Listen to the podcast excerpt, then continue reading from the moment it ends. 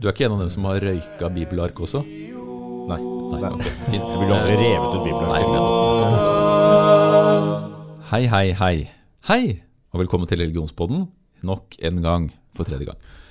Så eh, hvem har vi her i studio i dag? Det er vel det vanlige. Det er meg, da. Hans. Og meg, eh, Chris. Og jeg heter Jørgen. Det er veldig hyggelig, Jørgen. Kjempehyggelig. Jeg liker navnet ditt. Ja, det er ganske vanlig, spesielt i Tyskland. Det Eh, kommer fra gammel, eh, kom fra Georg. Ja. gammel og betyr han som kommer gående. Og apropos gammelt, i dag er temaet Bibelen. Ah, ja.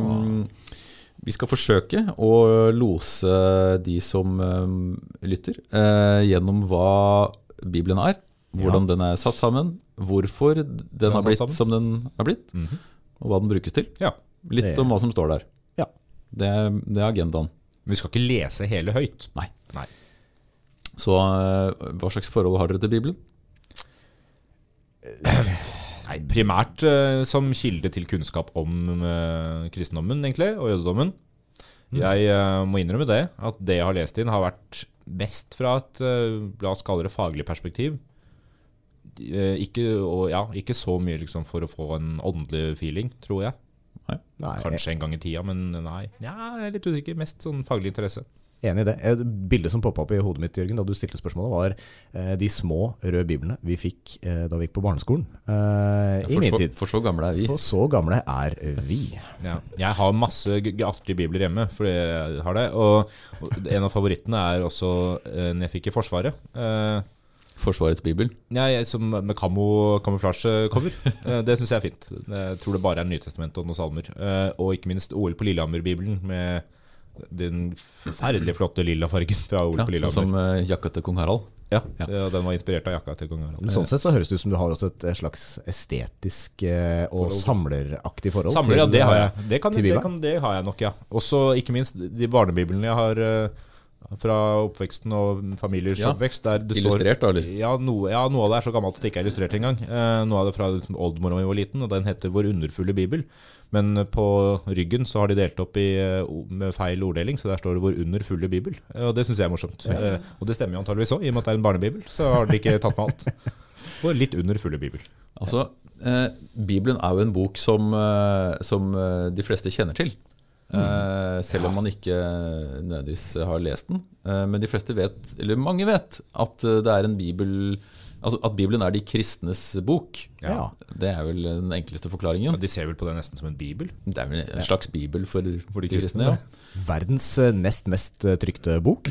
ja, det er jo Og da er den vanlige fun facten å spørre om hva den mest trykte er. Ja. Det kommer an på definisjonen. Det, det ja, det? gjør jo det. Og det, svaret på det er vel Ikea-katalogen. Men jeg, jeg, jeg liker Kanskje ikke nå lenger. Nei, Men jeg, dessuten så er det jo ikke det er, jo- Du hadde jo et poeng. ja, Ikea-katalogen er jo ikke lik år for år. Den er endrer seg jo. Bok, nei. Det er utgaver samtidig. Ja. Man gjør det med utgaver, og man en, har jo nye utgaver av romaner, bibeloversettelser og sånn. Og man anerkjenner det som samme bok.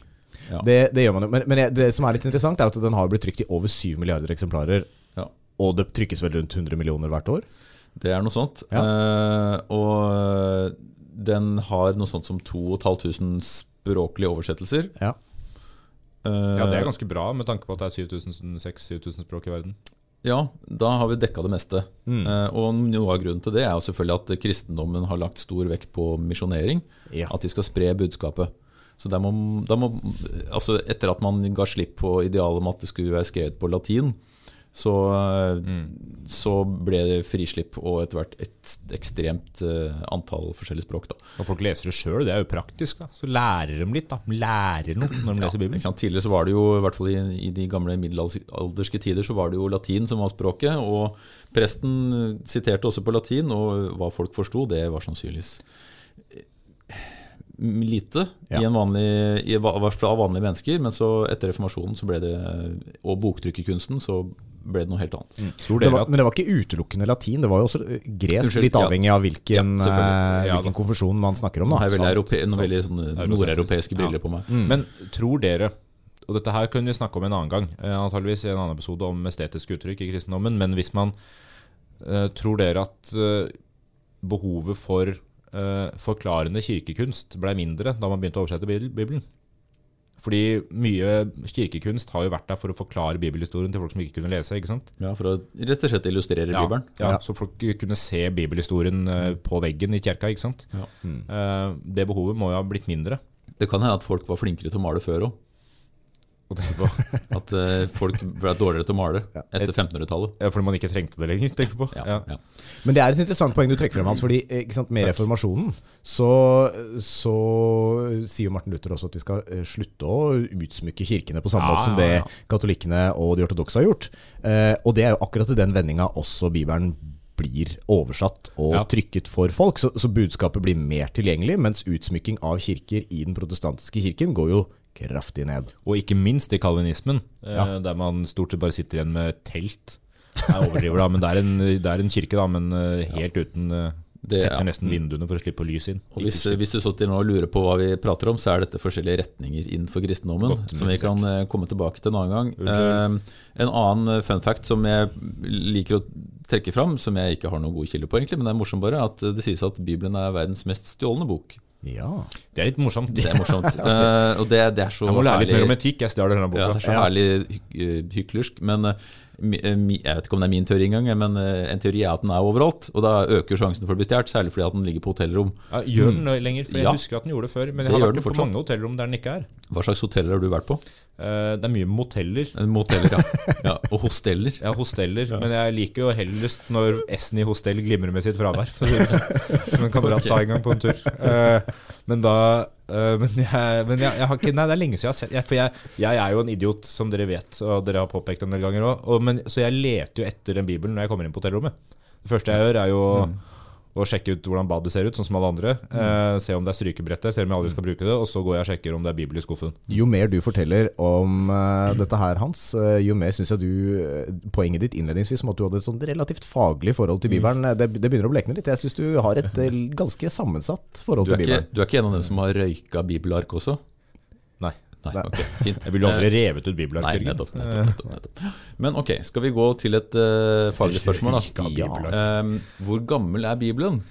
Det er jo uh, og, og jeg har faktisk en bibel ved siden av meg, og den er fra 1978. Ja, Nei, den er Så ikke det. dette er den gamle oversettelsen. En velholdt bibel du har der, da. nei, oversettelsen er fra 78. Ja da, jeg bare tuller, er jeg bare tuller selvfølgelig. Men uh, Bibelen er mye eldre enn boka jeg sitter og holder her. Uh, Er det 2011-oversettelsen du har der? Uh, ja, det er det. Så det, det Altså, ja, det, det ja vi trenger ikke gå inn på det. Men, men på det. av de eldste utgavene Nå svarer jeg på mitt eget spørsmål. Ja. Um, jeg har gravd litt i kildene, Ja. eh, og man sier at altså, Bibelen er delt i to, i Det gamle og Det nye testamentet. Mm. Og Det gamle testamentet, eh, de eldste skriftkildene eh, Nedskrevne, negro? ja, eller Man regner med at alderen på tekstenes opprinnelse Altså man har ikke de første utgavene. Nei. Når jeg med at de eldste tekstene i Det gamle testamentet er fra så gamle som 1400 omtrent før Kristus. Mm. Sier min kilde, i hvert fall. Ja. Altså 3400 år omtrent. ja. ja. De eldste bevarte kildene er mye yngre. Eh, Man har fragmenter, altså ikke hele tekster, fra rundt 600 år før Kristus. Mm. Det er fra fra Fjerde Mosebok. Og så har man hele tekster som er noe yngre. Altså hele, hele komplette tekster. Og de, er, de, de eldste jeg fant, tror jeg var fra rundt Var det 1000? Det er, eh, det er de eldste komplette, men det fins mange fragmenter som man har satt sammen. Men når var det man begynte å sette sammen uh, Gammeltestamentet? Uh, den eldste Unnskyld, uh, nå, nå mikser jeg. Jeg lurer på om den første Den eldste bevarte fullstendige manuskriptet GT er fra det siste århundret før Kristus. Ja, fordi man, Ja. man skrev det jo ned under det babylonske fangenskapet. Ja, Så det er den eldste vi vet om, i hvert fall. Ja. Mm. Uh, Nye testamentet er uh, nyere. Nyere, ja. Det er, uh, heldigvis. Det, det, el, det eldste skriften man vet om, eller man antar, er et av Paulus sine brev, det som heter Galaterbrevet. Det er fra 49 etter Kristus. ja. Ganske, er tett, ganske tett på. mot Ja, Hvis man tenker Det at hendelsen er rundt historisk 35. sett så er det tett på, ja. Uh, mens de nyeste er 130 etter Kristus. Ja. Mm. Så når man kommer til rundt 130, da, så er det på en måte grensen. Det er de, det er de yngste tekstene som finnes i dagens bibel. da. Ja, ja. Mm. Uh, og så er også kildene, om, de har, om man har funnet de eldste, er, varierer litt. da. Så, for, så kort oppsummert så har vi da altså, Bibelen er satt sammen av tekster som spenner seg over eh, ca. 1500-1600 år. Og det er mye. Og selvfølgelig også, ja vi kan vel se på det mer rett seinere, men eh, også da tekster som, som deles av eh, flere religioner. Ja. Ja. Og der er vi jo på sammensetning, da. Mm. Eh, den, altså den bibelen jeg sitter og holder her, altså den som er på norsk, det er en protestantisk bibel. Mm. Eh, den er ganske lik, men ikke helt lik den katolske bibelen. Det mangler en tekstsamling som heter De deuterokanoniske bøker, som finnes i den ortodokse og den katolske. eh, som er noen tilleggsbøker i Det gamle testamentet. Mm. I den jødiske bibelen, altså det som kalles Tanak på, for, for jødene, det er Det gamle testamentet. Røftlig. Omtrent det samme som i den kristne bibelen. Men den kristne bibelen er da to deler. Det gamle testamentet og Det nye testamentet. Mm. Den jødiske bibelen den har da satt sammen disse tekstene kanskje i en litt annen rekkefølge? Det, skiller de seg ikke på den måten òg? Ja, det husker jeg ikke i farten, men eh, sånn er det Jeg, jeg kanskje. tror kanskje det er det. Ja. Men eh, det mest kjente tekstutdraget da, fra Det gamle testamentet er kanskje Mosebøkene. Og for jødene så er det Moseloven. Ja. Og det handler jo om Toran, altså. Toran. Og det handler om uh, skapelsen, som eh, mange kristne også uh, kjenner godt. Uh, og så er det diverse lover om hvordan du skal leve livet ditt. Både i mer abstrakte termer og veldig konkrete termer. Mm. Og så har du jødenes historie, utvandringen fra Egypt og fra Babylon osv. Og så eh, har du diverse kjente historier som Noas ark eh, osv. I tillegg til det så har du eh, hva da? I tillegg til Moslovene? Nei, så Du har jo historiske bøker, og du har de poetiske bøkene. Og da er vi over i Salmenes bok og Høysangen og, og ordspråkene og sånn. Og så har du profetbøkene, da. de forskjellige profetene. Og, det er, og alt dette her er jo tekster som, som utgjør på en måte den, den helhetlige jødiske Tanakh, som du sier, altså den jødiske bibelen. Eh, Den kanoniserte jødiske bibelen. da. Og Kan, den, du- kan du ikke beskrive ordet kanon, Hans? Hva, hva betyr kanon? ja, det- altså Egentlig litt sånn vrient å, å forklare veldig enkelt. Men Fordi bøker- De fleste tenker jo først på kanon, Mm. ja. altså som du skyter med, og så tenker man på å ja, jeg synger kanon. Ja, synger Eller er det den kanon, kanon, eller den du padler med? Ja, nettopp. Eh, nei, det er jo ingen av delene. Men det, det er en, en, en etablert uh, tekstsamling som det er enighet om at man skal følge i en eller annen sammenheng. Mm. Og religiøs sammenheng her, så er det jo da det som man har samla og mener at det er, er det alle innafor troen skal være enige om. Ok, Så hvis du er russ og har en eh, spilleliste på russebussen, Så er det russens kanon. Det. det er russens kanon. Og i skoleverket så diskuterer man jo skal man ha en kanon i norskfaget som, eh, som bestemmer hvilke tekster norsklæreren skal bruke. Ja, eller for skal du må ha lest et dukkehjem av Ibsen. Mm. For eksempel. Eh, Så derav kanoniserte bøker, ikke Derav sant? Kanoniserte, ja. Aksepterte bøker. Ja. Eh, Okay. Og, og du, du Jørgen, du brukte i stad eh, uttrykket deuterokanoniske. Og det, det betyr jo da at bøker som er kanonisert i andre rekke. Altså de, de ble kanonisert senere og har Ja. blitt lagt til. Ja, og I noen utgaver også hadde, altså i, i, Etter reformasjonen på 1500-tallet så la man også til disse deuterokanoniske bøkene i protestantiske bibler, men som et tillegg. Ja. Altså ikke som en del av Bibelen, men som en del av, uh, av tekster Ja, du kan godt lese disse også. Ja. De er kanskje ikke det viktigste, men de er ganske viktige. Daut, det altså Deutero, kanonisk et gresk begrep, og deutero betyr jo andre, eller eh, deftero, som det da Mm. uttales.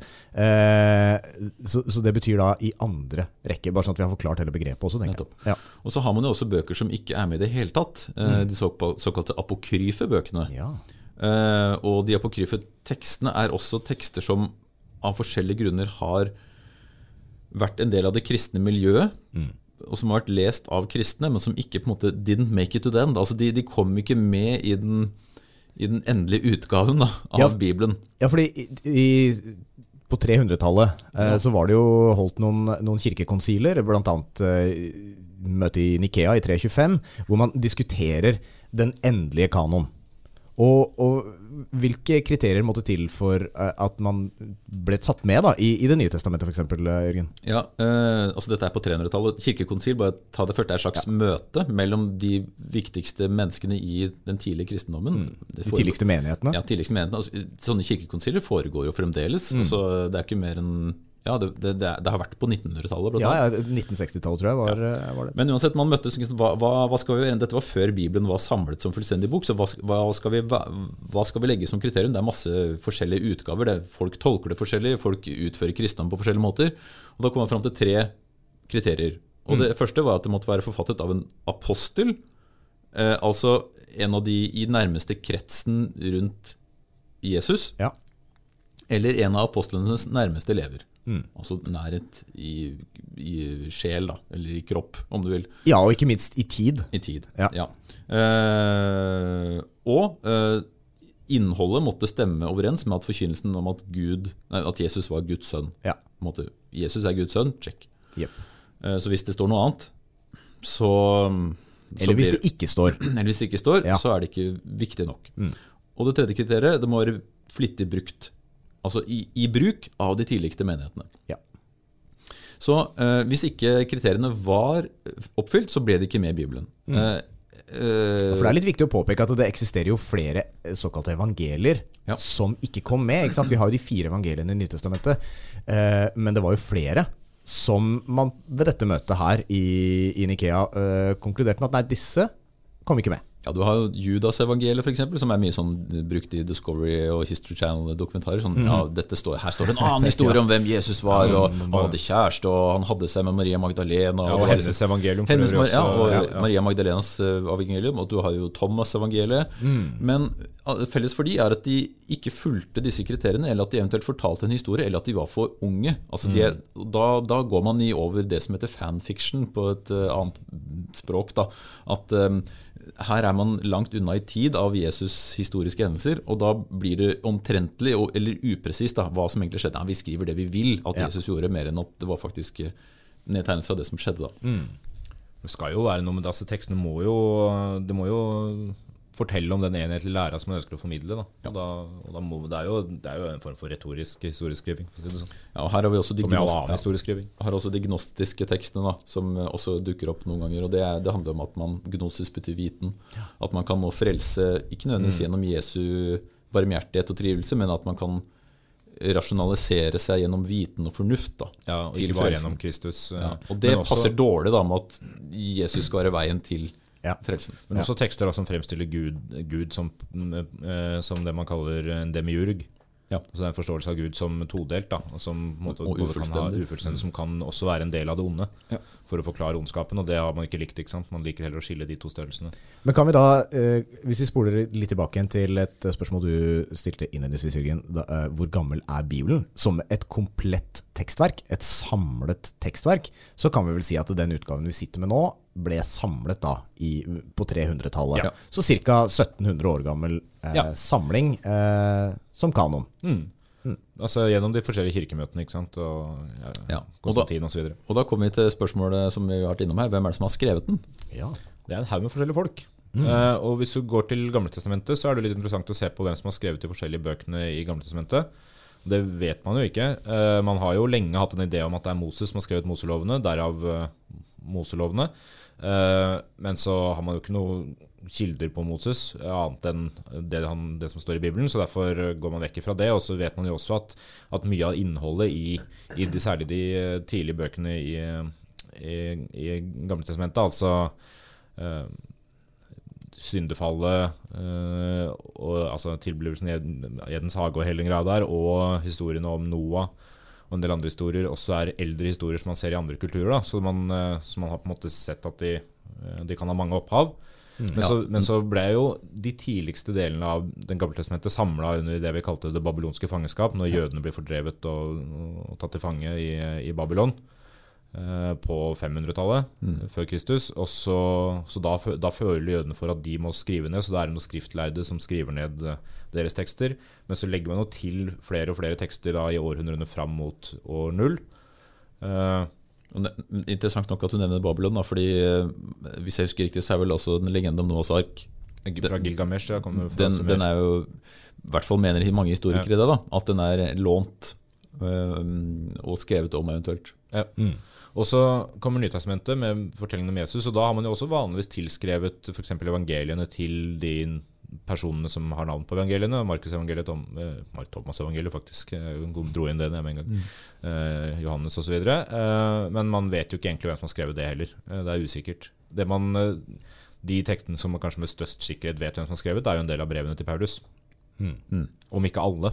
Eh, For det er jo ikke, der er jo såpass mye kontraster internt i Paulus brev at det er ikke sikkert at han har forfatta alle selv. Men man, Og fristelsen er nok stor for å øke troverdigheten til teksten også og si at Paulus er forfatter. Ja. Hvis han er en anerkjent forfatter, så tenker jeg at ok, da kan jeg si at Paulus skrev dette brevet, så blir det et anerkjent brev. men samtidig også så er det en del innhold i noen av Paulus-brevene som har ganske mange kontraster til annet innhold der, f.eks. synet på kvinner og sånn, og da har man ofte landa på at de, de tekstene man, eh, man mener presenterer det budskapet man ønsker å forholde seg til, og det man ønsker å assosiere med Paulus, det er de som er skrevet av Paulus, mens de andre kan potensielt være skrevet av noen andre.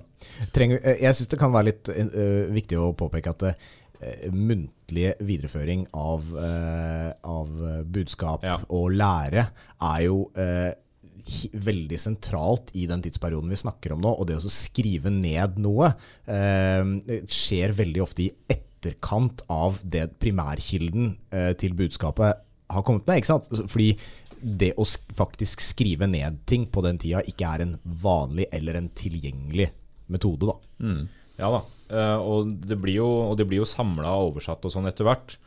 Eh, men når du f.eks. ser altså, Den tidligste samla utgaven er vel den greske Septuaginta-utgaven. Eller en av de tidligste. Og den, og den ble jo tidlig en del av liksom, eh, kanonen, da. Eh, og den, det som er skrevet, den er også litt uklart, men der, der, der tar man utgangspunkt i at du har uh, 70 forskjellige oversettelser av gamle tekster som var så enhetlige og like at man tenkte at disse her må være riktig. I en sånn enhetsprinsipp at hvis så mange opphøyde personer har tenkt det samme, så er det rett. Og derfor har den blitt gått inn eh, som eh, gyldig. Men så oversatte eh, Sankt Hieronymus oversatte tekstene til latin under den første Vulgata-utgaven på 300-tallet, slutten av 300-tallet. Eh, og det er jo også den utgaven som, som sto seg lengst av den latinske utgaven fram til Martin Luther for eksempel, fikk det oversatt, eller oversatte det til tysk. Så, så en som har skrevet det, er jo én ting, men en som har skrevet det ned, er noe annet. ikke sant? Som Chris var innom, det muntlig overleverte blir som folkeeventyr. Ja. Det er ikke Asbjørnsen Moe som har skrevet folkeeventyrene, men de er ganske viktige å utforme dem sånn som det endelig så ut. da. Men skal vi forsøke å bare lage noen overskrifter her? Da? Altså, det gamle testamentet handler om jødenes historie, eh, lovene eh, og også profetier. Ja. Om hva da? Om en frelser som, eh, som skal komme. Altså Messias-profetien. Og Det legger jo grunnlaget for overgangen fra Gamle testamentet til Ja, det, det det. nye testamentet, med historiene om, om Jesus og, og Jesu virke. Så, så det, er jo en, det er jo et frampek i Gamle testamentet mot Det nye testamentet, og hva som, hva som kommer der. Ja. Ja. Og hvis du er kristen, så mener du jo at Jesus-skikkelsen, da, som også er en historisk person, det er man ganske sikre på. Men hvis man tror på at Jesus var Guds sønn, så er man kristen. Eh, og det er det som skiller jødene fra de kristne. Altså Jødene venter fortsatt på Messias. De, de har lest profetien og venter fortsatt. Mens, Ja. mens jødene mener at denne Altså profetiene er fullført. da Altså Jesus kom og viste seg på jorden, og så kan man tro på han Ja. og få EU-liv.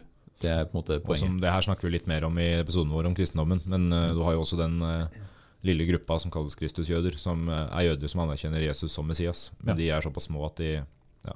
Hvorfor ikke da bare er, være kristen? Jo, nei, det har å gjøre med at de fremdeles velger da å følge, f.eks. Og så, bind, så bindes jo dette her eh, sammen i kraft av at eh, også Jesus i Det nye testamentet gjør krav på å være den, den Messias som det står om i Gamle Og testamentet. det var dine ord. For å si det med Jesus. Morsomt. Nei, men, men ja, og det er jo Altså, fra et sånt eh, religiøst Eller ikke religiøst perspektiv, men fra et religionsfaglig perspektiv, så, så fornyer han da pakten. Men det han i essens gjør, er jo også da fornye pakten som står i tekstene. Så han, så han tar med seg deler av det, den avtalen mellom Gud og menneskene som har blitt gjort i GT. Gamle testamentet. Gamle testamentet, ja. Og så eh, er jo da Det nye testamentet et uttrykk for den nye pakten som Jesus innstifter. ikke sant? Pakt, pakt er ikke en avtale mellom menneskene og Gud. Ja. Ikke sant? Og, og derfor leser man jo også Nytestamentet i lys av Gamletestamentet, fordi man fordi det, den overføringsverdien, da det er ikke alt fra Gamletestamentet som er like aktuelt. Det er ikke alle de jødiske lovene. Hvor mange lover er det der i Gamletestamentet? 613. 613, ja. Og det, det er flere enn de ti bud som Moses har med seg ned fra fjellet der. Og, det er, og, du har, og de, alle de lovene er ikke, er ikke like gyldige eh, i Nytestamentet. Og det er også da fordi Jesus det er, det er det Jesus vektlegger som eh, står seg, på en måte. da Og det er stort sett morallover og ikke så mye lover om, eh, om husvask og menstruasjon. Mugg på. Mugg på klær. Og da har du Jesus' budskap handler jo mer, og hvis du spør eh, både en historiker for så vidt og en kristen, om nestekjærlighet og tilgivelse. Og at hvis du tror på Jesu budskap og ber om tilgivelse, så skal du bli frelst. Ja, og her er det mulig at mange rundt eh, omkring som hører dette her, i den grad det er mange rundt omkring som hører dette her, eh, kan være uenige, men hvis du ser på liksom de lange linjene i Gammeltestamentet, så handler jo det i stor grad om historie, eh, identitet til en gruppe, og også forholdet mellom den gruppa og guddommen som, som har utpekt dem til et utvalgt folk. I Nytestamentet så har du i mye større grad fokus på eh, forholdet ditt til andre mennesker, nestekjærlighet, og litt enklere rammeverk på et eller annet vis i Nytestamentet. Det er også mer retningslinjer for um, Nei, altså, jeg skal ikke si så mye mer. Men det er, uh, det, det er en litt annen du kan, Man leser og får et litt annet inntrykk da, av meningsinnholdet. Og, da, eh, og, og i dette så Jesu budskap da, det finner du i evangeliene. Mm. Og det er de viktigste tekstene i Bibelen, mener de kristne. Og det er Matteus, Markus, Lukas og Johannes sine nedtegnelser om Jesus sitt liv. Ja. Hva han gjorde, hva han sa, hva han oppnådde. Ja. Ja. Evangeliene tar for seg eh, Jesu fødsel, Mm. og så er det et opphold i livet til Jesus.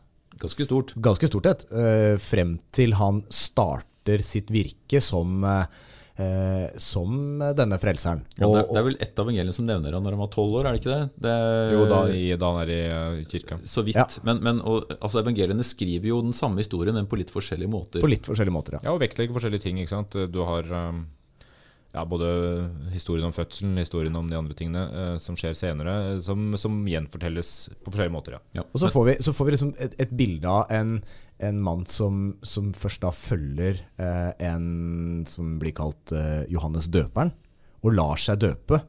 Og, og det er vel fra og med der omtrent at denne bergprekenen til Jesus eh, kommer inn i bildet, og vi, og vi får da et innblikk i denne delen av livet til Jesus, der han kommer med lignelser, han kommer med et, et et religiøst budskap som eh, hans eh, tilhengere og, og medreisende i den perioden eh, følger Ja. og lytter til. Og da, og Gjennom denne evangeliehistorien da, så fortelles det om hvordan Jesus samler disipler rundt seg og tilhengere og får støtte, men også kritiserer eh, sine, sin, sin religion og utøvelsen av den gjennom eh, hvordan, Hvordan- altså, makthaverne utøver sin religion. Det er et viktig poeng, for han kritiserer på en måte hvordan jødedommen har blitt utført mot slutten der. Uh, av den, I den perioden her. Og det er, han kritiserer jo ikke jødedommen som konsept. Han kritiserer de jødiske lederne for å ikke gjøre det de burde gjøre, og gjøre andre ting. Eller, ja. Og det, vi, det er et samsvar mellom det her og det som står i Gammeltestamentet, med tanke på at de siste bøkene i GT, og på en måte sånn, så ser man at eh, at forholdet, forholdet mellom Gud og menneskene har blitt svekka. Eh, det er mer lovløshet i religiøs praksis. Og så skal jo da Jesus komme tilbake for å rette opp dette her, eh, er håpet. Men han, eh, han er mindre opptatt av vi har om tidligere, tror jeg, mindre opptatt av de jordelige tingene, mer opptatt av Guds rike. Ikke så opptatt av å kaste romerne ut av Jerusalem osv. Mer opptatt av å sørge for at den religiøse praksisen blir opprettholdt. Da. Og så, nå beklager jeg for de som ikke har lest Bibelen, nå kommer det en sånn spoiler, spoilers Spoiler. her, fordi Jesus dør faktisk. På slutten. Ja, men det går bra, han Han, han, bli, ja, men det er spoiler nummer to. Ikke sant? For han, han står opp igjen fra de døde. Mm. Eh, og, Det er litt av et vendepunkt. ja, det, det er, og det er jo en klassisk historie, da, har det jo blitt. Eh, og om man tror på oppstandelsen, det er jo der ofte skillet mellom eh, tro og historie skilles, da. Eventuelt gå på vannet. Eventuelt gå på vannet, Vann kan også være. Der, der må man eh, se det med et religiøst blikk. Da. Men som, historisk, eh, som historiker da, så kan man se at Jesus var en, en maktkritiker. eh, en som mest sannsynligvis har levd, og som skaffet seg imponerende oppslutning da, om noe han forkynte om eller fortalte om. En, en gang i, i, i gamle dager eh, så stilte jeg spørsmålet eh, hvem var Jesu eh, hovedmotstandere på en religionsprøve jeg ga til noen åttendeklassinger. Da var det en elev som, som presterte å svare bokstavelig Tja, prikk, prikk, prikk, Satan var vel en ganske tøff motstander. Og det syns jeg, jeg er et veldig godt svar. Jeg ga, jeg ga faktisk litt kred for det. Men, men da, det, er jo, Ja, men- det er jo fariseerne og de skriftlærde, ikke sant. Men Eh, også i Ja, men, ja da, men fra et religiøst perspektiv Djevelen frister jo Jesus flere ganger, og Jesus står imot. Og der har vi også en sånn greie med den der ideen om sammenhengen mellom liv og lære, som, Jesus, eh, som er et viktig del av Nytestamentets budskap. At Jesus, Jesus forteller hvordan du skal leve livet ditt eh, gjennom en haug med lignelser, eh, som er eh, mer eller mindre klare eller uklare, avhengig av hvilke du bruker. Og han han gjør også de samme tingene. da Han behandler folk på den måten han vil at andre skal behandle folk. Eh, Så Nytestamentet er fullt da av, av både retningslinjer og eksempler til etterfølgelse. F.eks. at du skal mot, kjempe mot det onde da i form av Satan. Og da blir Jesus som et ideal for eh, de kristne. Så som et etisk forbilde, da, lev livet slik. Altså ikke, ikke akkurat slik, fordi det er umulig. fordi hvis man skal se på Jesus som et perfekt menneske og som Gud, så er det rimelig tøffe krav. da. Men, eh, men etter Jesu død så har man også en del, hvis vi går tilbake til Bibelen, da, så har man Paulusbrevene, som beskriver egentlig det administrative eh, og dannelsen av organisasjonen, menighetene, eh, hvordan budskapet spres etter Jesu død. Og det er jo her ofte, de fleste religioner forsvinner. Når den karismatiske lederen er borte, så går folk hvert til sitt og ja, ja, ja, da er vi ferdig med det. Men hvis man har noen som forstår seg på byråkrati og organisering, administrasjon, så klarer man å fortsette å bygge opp en religion. Og det er jo nettopp det som er noe av nøkkelen til kristendommens suksess. da Ja.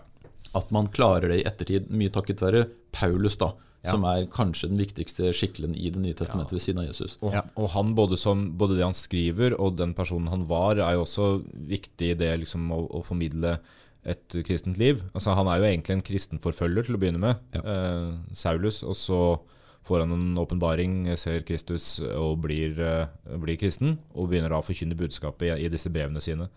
Um, 13 eh, totalt sett. Eh, Og, de er veldig viktige å spre, som du sier, både organiseringa av menighetene. eh, beskjed om hvordan du skal forstå budskapet. Han er jo også en av de som er med da på å etablere kristendommen kanskje som en egen religion, og ikke bare en sekt innenfor jødedommen. Fordi han, han eh, presiserer dette med at du trenger ikke å, å gå via jødedommen for å bli kristen. Du trenger ikke å følge alle Moselovene for å være kristen. Det holder å følge troen på Jesus eh, og Jesu budskap, og du trenger ikke å altså, for eksempel, du trenger ikke å omskjæres, ikke sant? eller du trenger ikke å ha vært jøde. Ja, man kan vel si at, eh, at eh, Paulus er Jesus' viktigste PR-mann. Ja, altså ikke, ikke bare sender han brevene rundt, han reiser jo rundt, og han, Han han, rundt, også deler budskapet med de ulike menighetene. Ja. Slags visepresident, Ja, kan man si det? det kan man godt si. Så som historisk person og religiøs skikkelse så er eh, han ekstremt viktig. Ja. Og så, eh, Man har noen andre brev òg. Eller, Ja ja, Nei, nei, jeg kan komme til Jeg vil bare stille noen Ja. spørsmål om evangeliekilden etterpå. Men vi kan ta Ja. det etterpå. ja. Og man har noen andre brev, Jakobs brev og Paulus Nei, eh, Judas brev osv. Og så har man også en uh, liten bok som, uh, som lurer helt på slutten, da, Ja. som er interessant. eh, som kalles Johannes' åpenbaring. Og den skiller seg markant fra alle bøker i Bibelen, egentlig. Den er skrevet i et veldig malerisk språk. eh, og Det gjelder jo for så vidt eh, Johannes evangeliet òg. Ja, ja, Johannes skiller seg fra de tre andre evangeliene. eh, Men, Det kan vi komme men, tilbake til. eh, men åpenbaringen skildrer jo fremtiden. Mm. Det er her alle dommedagsprofetiene kommer, og hva som skjer eh, på jorden etter at Jesus er borte, og når han skal komme tilbake og dømme. og Det er liksom, det er rimelig eh, Det er, det er heftig symboltungt språk. da. Ja. Eh, Det snakkes om, om djevelen som skal vise seg, og i symboltunge drakter. Ja, det, Johannes' åpenbaring har jo Ja. nærmest vært en, en slags uh, inspirasjonskilde til, til mang en skrekkfilm Oh yes. uh, opp igjennom. Apokalypsen, ja. Mm. Bare ordet apokalypse. Ja, og Det er jo ikke den eneste religion som snakker om apokalypse. Det har man i norrøn mytologi og med Ragnarok f.eks. Ja, og det vi ser er, det er gjennomgående i de fleste sånne religioner, sånne religioner, de fleste religioner, at man har en kosmogoni, altså en skapelsesberetning. Ja. Her, her har vi det også i Bibelen, da, ikke sant, de første delene av det. Eh, og så har man en dommedagsprofeti mot slutten. Fordi det er en, eh, det er en lineær tidsoppfatning ikke sant, fra begynnelsen til noe. Uh, og da vil du jo også slutte med noe. Ja, og det, og det slutter jo med en slags cliffhanger. Det er en, det er en forventning om Ja noe som skal komme. Ja. Sant? Endetid, dommedag, og så kommer det jo noe etter det. Ja I, den, i, denne, I den nye denne- I den nye verden. Enten den er på jorda eller i himmelen, avhengig av hvordan du tolker det. Men, Ja. Og da forventningene i, i, der er jo at uh, Jesus skal fordrive ondskapen og Ja. komme, komme tilbake. Og det venter jo kristne på fremdeles, og har uh, trodd at du har slått gjennom et par ganger, men det viser seg å ikke ha gjort det ennå. Skulle du si noe mer om evangeliet før jeg stiller et siste spørsmål? Ja, for jeg lurer på dette med disse evangeliene. Mm. du, du, du sa at Johannes evangeliet også skiller Jeg sa at det, skiller, at det er også ganske poetisk, og det er en fin inngang til den kristne læra, fordi den er mindre opptatt av historie og mer opptatt av eh, budskap. Mm. Men den skiller seg jo litt fra de andre. Og hvorfor skiller den seg fra Matteus, Markus og Lukas? Er det jeg lurer på? Ehm, ja, den er for det første yngst. da. Ja. Den, den er skrevet lengst unna de historiske Mm. byene. Og så er det jo spørsmålet om hva Johannes har brukt som kilder. Ja, for det er litt interessant, fordi man snakker om Matteus, Markus og Lukas som liksom de synoptiske evangeliene, altså de som har samsyn. Ja. Hvis man, eh, Flott ord. det har ikke jeg, eh, så det er litt interessant. Eh, seg, ja, Man ser jo veldig godt det når man hører på podkast. Takk. Det er fint at folk ikke legger merke til at jeg skjeler noe forferdelig. Men du ser på Jørgen og meg samtidig, og det er vi veldig glad for. jeg, jeg, Litt usikker alltid. Det aner ikke hvem jeg ser på. Men, men, men, men det synoptiske problem handler jo om, eh, om, eh, om hvilke evangeliene som har lest hverandre. Mm. Altså fordi for mange av, altså Hvis Markus-evangeliet er det eldste, er, som, som man, som man, si det så er Matteus og Lukas omtrent like gamle, og så er Ja. Johannes yngst. Og det vi ser er jo at Matteus og Lukas da har lest Markus, Ja. og bruker det som kilde fordi de har mye av det samme innholdet. Ja. Men de har jo også en, et annet innhold som de har felles, som ikke Markus Ja. har. Og da spekulerer man jo i en kilde til, som man ikke har. Den ukjente Q-kilden. Ja. Så uh, hva Ikke sant? Uh, det ikke sant? En, et evangelium til, kanskje? Hey. Men det, det, det har man ikke. Så man vet ikke hva slags kilde de har brukt. Bare at de er enige om noe. Så de må ha Enten så har de snakka sammen, eller så har de lest den samme kilden, som du sier. Det kan hende Dan Brown har denne Q-kilden, det vet vi ikke Kan helt. hende han er evangeliet til Børre. Nei, men det kan hende Dan Brown har det. Men, men, og Johannes er jo da helt uh, utafor. som, Ja, noe- han er ikke noe veldig, nei, men som, noe, som noe veldig særegent. Og det er, jeg syns det er interessant.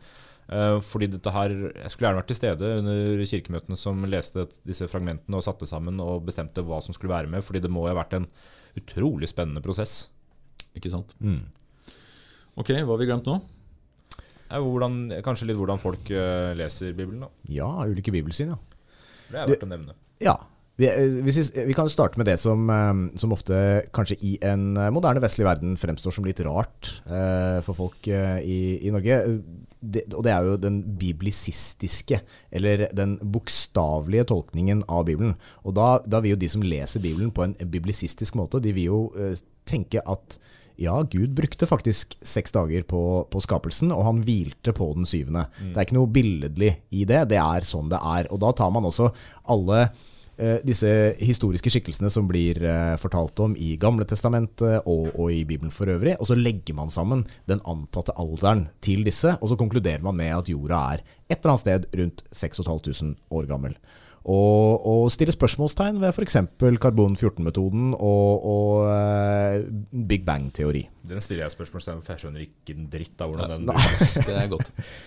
Men, men så, kan du jo, så kan du gå over til en slags kontekstuell eh, bibellesning. Der, der tid, sted og sosiale og politiske forhold bestemmer hvordan du, eh, hvordan du eh, eh, leser den teksten. Og, og da vil kan jo, være lurt. Det kan jo Det det. Synes jeg er lurt. Men, men samtidig så, så vil det jo også føre til at eh, måten man både tolker og bruker et, et budskapet fra Bibelen, Ja. vil variere litt fra hvor du er i, eh, i verden. Altså Hvis man ser eh, på et gitt tidspunkt, så vil jo en, en kontekst variere fra om man er eh, en kristen på det afrikanske kontinent eller på det europeiske kontinent, Ja, ja, føre til en, en litt variert oppfatning av innholdet. Synet på slavehold, kjønnsroller. Det er jo bare noe sånt som tolkninger av etikken til Jesus. Altså, du skal elske din neste. Mm. er relativt komplekst hvis du ser det kontekstuelt, fordi hva din neste er, må jo også vurderes.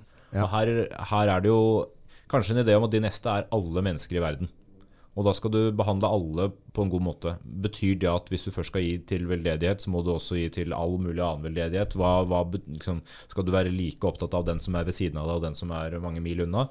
Eh, men så har du no, en, en veldig mer snever tolkning, som jeg leste om noen amerikanere et eller annet sted, som tolka de neste til å være de som bodde i den og den geografiske utstrekninga rundt deg, altså mer eller mindre nabolaget. For da kunne du samtidig argumentere for både nestekjærlighet og krigføring.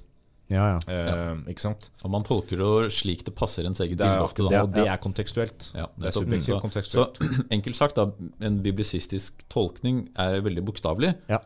Mens en kontekstuell tar hensyn til når teksten er skrevet. Ja. Og, og ser liksom Ja, men dette er en gammel tekst. Det kan jo hende at hvis, hvis Paulus hadde levet i dag, så hadde han tenkt det, eller Mm. Ja. at man ja. Men for, hvis vi sammenligner f.eks. katolisismen og protestantismen her, da, så ser man hvordan katolisismen og delvis også den ortodokse kirka har enda større vekt på kirkas tradisjon i tillegg til det som står i Bibelen, for å etablere læra. ikke sant? Og det vil jo potensielt kunne åpne for at protestantiske, konservative protestantiske kristne i større grad vil forholde seg biblisistisk til tekstene, Ja. fordi de ikke skal gå via kirkas tradisjon i tillegg. da. Så der er tolkningsrommet rett og slett mindre, fordi det er opp til bare deg å lese det som står der. Så du skal på en måte skriften alene, da, som Luther snakka om, at den, den er veldig viktig.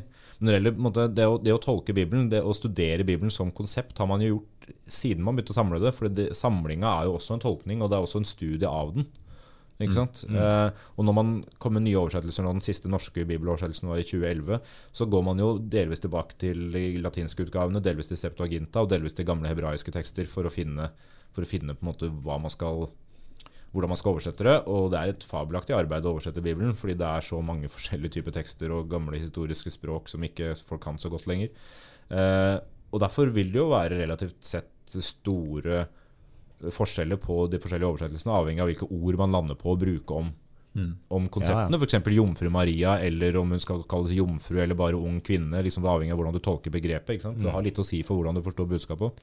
Og det kan vel også legge grunnlaget for, eh, for en fremtidig episode fra oss, nemlig ulike retninger innenfor kristendommen, ikke sant? Ikke sant? Ja, det er, det er flere man skulle tro. og hvis man, eh, hvis man ser for seg kristendommen eh, som en stamme på et tre, så kan grenene være de forskjellige retningene da, i et slags metaforisk språk. Vakkert. Vakkert. Men eh, jeg tror det er det vi rakk, jeg, folkens. Så bra, det var fint. Jeg er fornøyd jeg, med å ha snakka om det her. Det, det er fint, det er veldig spennende, og det er, det er mye mer. Men dette her er en slags overflateskraping, så um, Overflateskraping. Det var et vakkert ord.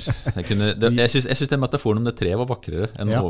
Ja. Ta, den en gang, ta den en gang til, så sier vi at det er greit. Kristendommen er som en stamme på et tre med flere grener som utgjør de forskjellige retningene. Og det skal vi snakke om siden. herlig. Så da får dere ha det fint. Takk for nå. Takk for oss. Religionsfolk.